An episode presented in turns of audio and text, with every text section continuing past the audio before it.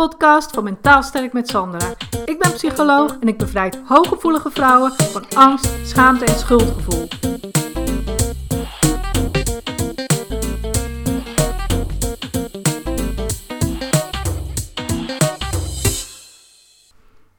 Heel veel van mijn klanten die hebben moeite met zeggen wat ze denken. Dat is echt een probleem. En wat er vaak gebeurt als je niet zegt wat je denkt eh, tegen, tegen een collega of een familielid of een vriend, vriendin of wat dan ook, je partner, dan vergeten mensen vaak het volgende. Weet je, ze, ze zeggen dan niet wat ze denken, ze gaan dan in het antwoord van die ander mee bijvoorbeeld. Maar die ander, kijk, er bestaat ook nog zoiets als non-verbale communicatie. Dus die ander, eh, en dat is het grootste deel eigenlijk van onze communicatie. Dus die ander ziet of merkt heus wel aan jou, aan je houding of aan je stem, of weet je, dat je eigenlijk iets anders wil zeggen. dus je houdt niet alleen jezelf voor de gek, maar je houdt ook die ander voor de gek. En het ergste is, die ander gaat het 9 van de 10 keer echt wel merken hoor, dat je eigenlijk iets anders wil zeggen. Dus dat is één. Weet je, sta daar eens bij stil. Op het moment dat je eigenlijk niet zegt wat je denkt en je gaat in het antwoord van die ander mee, wat gewoon eigenlijk helemaal niet is wat jij wil of wil zeggen, of helemaal niet is wat jij denkt, of hoe jij er zo over denkt, dan gaat die ander die gaat het toch ergens op de een of andere manier aanvoelen. Dat dat niet klopt. Nou, dus dat is één. Het tweede is de, de, de, de reden waarom heel veel mensen moeite hebben om te zeggen wat ze denken, is angst. dus daar hebben we weer te maken met dat eeuwenoude oersysteem dat we natuurlijk bang zijn om verstoten te worden, dat we bang zijn om niet meer aardig gevonden te worden, dat we bang zijn dat we niet meer bij horen. En ja, als je niet meer bij hoort, hè, hoorde in de oertijd, dan had je een probleem. Dus daar zijn we nog steeds bang voor. Bang voor afwijzing en er niet meer bij te horen. Nou, dat is natuurlijk dat oude, oeroude systeem waar we mee te maken hebben. En mensen vergeten ook vaak dat de ander, dus de degene die de boodschap van jou ontvangt, als je zegt wat je denkt, dat die het vaak ook gewoon fijn vinden als je zegt wat je denkt. Waarom? Omdat ze dan die incongruentie niet meer aanvoelen. Dan voelen ze, hé, hey, dit klopt, hoe vervelend het ook is. Maar als je dus uh, niet zegt wat je denkt en je zegt iets anders, wat je eigenlijk niet wil zeggen, ja, dan voelen mensen dat het niet congruent is. Ze voelen aan, hé, hey, hier klopt iets niet. Maar op het moment dat je dat wel zegt, dan voelen ze, oké, dit klopt, want ja, hè, nogmaals, die non-verbale communicatie. Dus dat is ook belangrijk om te onthouden, dat het voor heel veel mensen die die boodschap ontvangen eigenlijk gewoon prettig is. En waarom ook nog meer? Omdat het duidelijk is. Ze hebben duidelijkheid dan. Je bent het ermee eens of je bent het er niet mee eens. Jij gaat dat hetzelfde doen of je gaat het niet hetzelfde doen. Nou, eh, whatever, waar het dan ook over gaat. Dat hebben ze dan duidelijk. En mensen willen gewoon duidelijkheid. Kijk maar naar jezelf.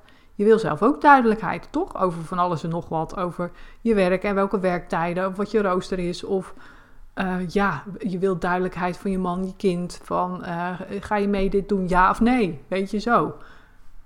Mijn zoon die zit nou in een fase dat hij dat gewoon geen of onduidelijke antwoorden geeft.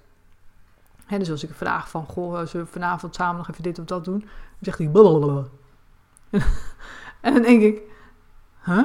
Dan vraag ik dus ook, is dat ja of nee? Dan zeg ik, bah. Weet je, dan krijg ik allemaal dat soort antwoorden. En dat vind ik heel vervelend, want het is niet duidelijk. Ik wil duidelijkheid.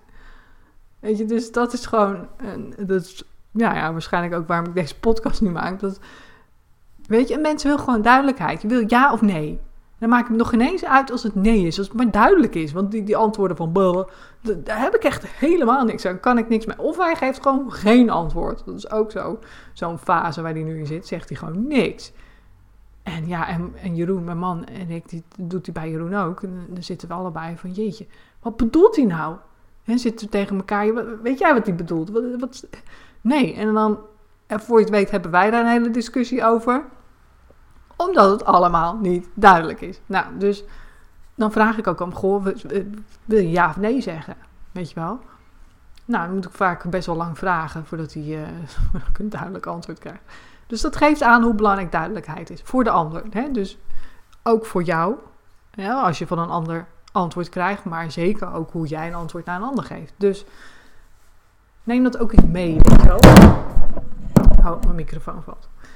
Neem het ook eens mee in je overweging van, ja, waarom is het eigenlijk handig om toch duidelijk te zijn en te zeggen wat je denkt.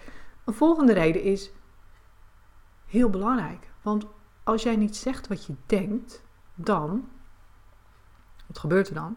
Dan heb je niet gezegd wat je denkt, dan ga je, ben je, ga je vervolgens weg uit die situatie en dan neem je het mee. Dan ga je erover malen, ga je er nog eens over nadenken. En denk je, shit, ik had eigenlijk dat willen zeggen. En, en dan sla je jezelf weer voor je kop. En dan heb je weer allerlei piekengedachten erover. Ja, ik heb dat niet gezegd. Nou, dan gaat die ander nu zus of zo doen, enzovoort. Dus, voor je het weet, lig je er wakker van. Voor je het weet, ja, ben je er de volgende dag nog steeds mee bezig. En wordt het een slepend ding. En dat gaat slepen, slepen en uiteindelijk ben je het zat.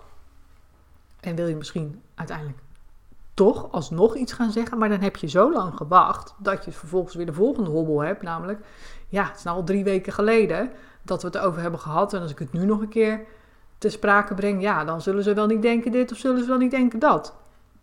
En dan is het zo lang al aan het slepen bij jou geweest. Ja, dat vervolgens voor die ander, denk jij dan, ook niet meer uh, interessant genoeg is om daar nu weer over te beginnen. Of gewoon vervelend omdat het al lang geleden is. Dus zo krijg je een heleboel opeenstapeling van dingen. En dat niet alleen. Als je niet zegt wat je denkt, dan hou je het binnen.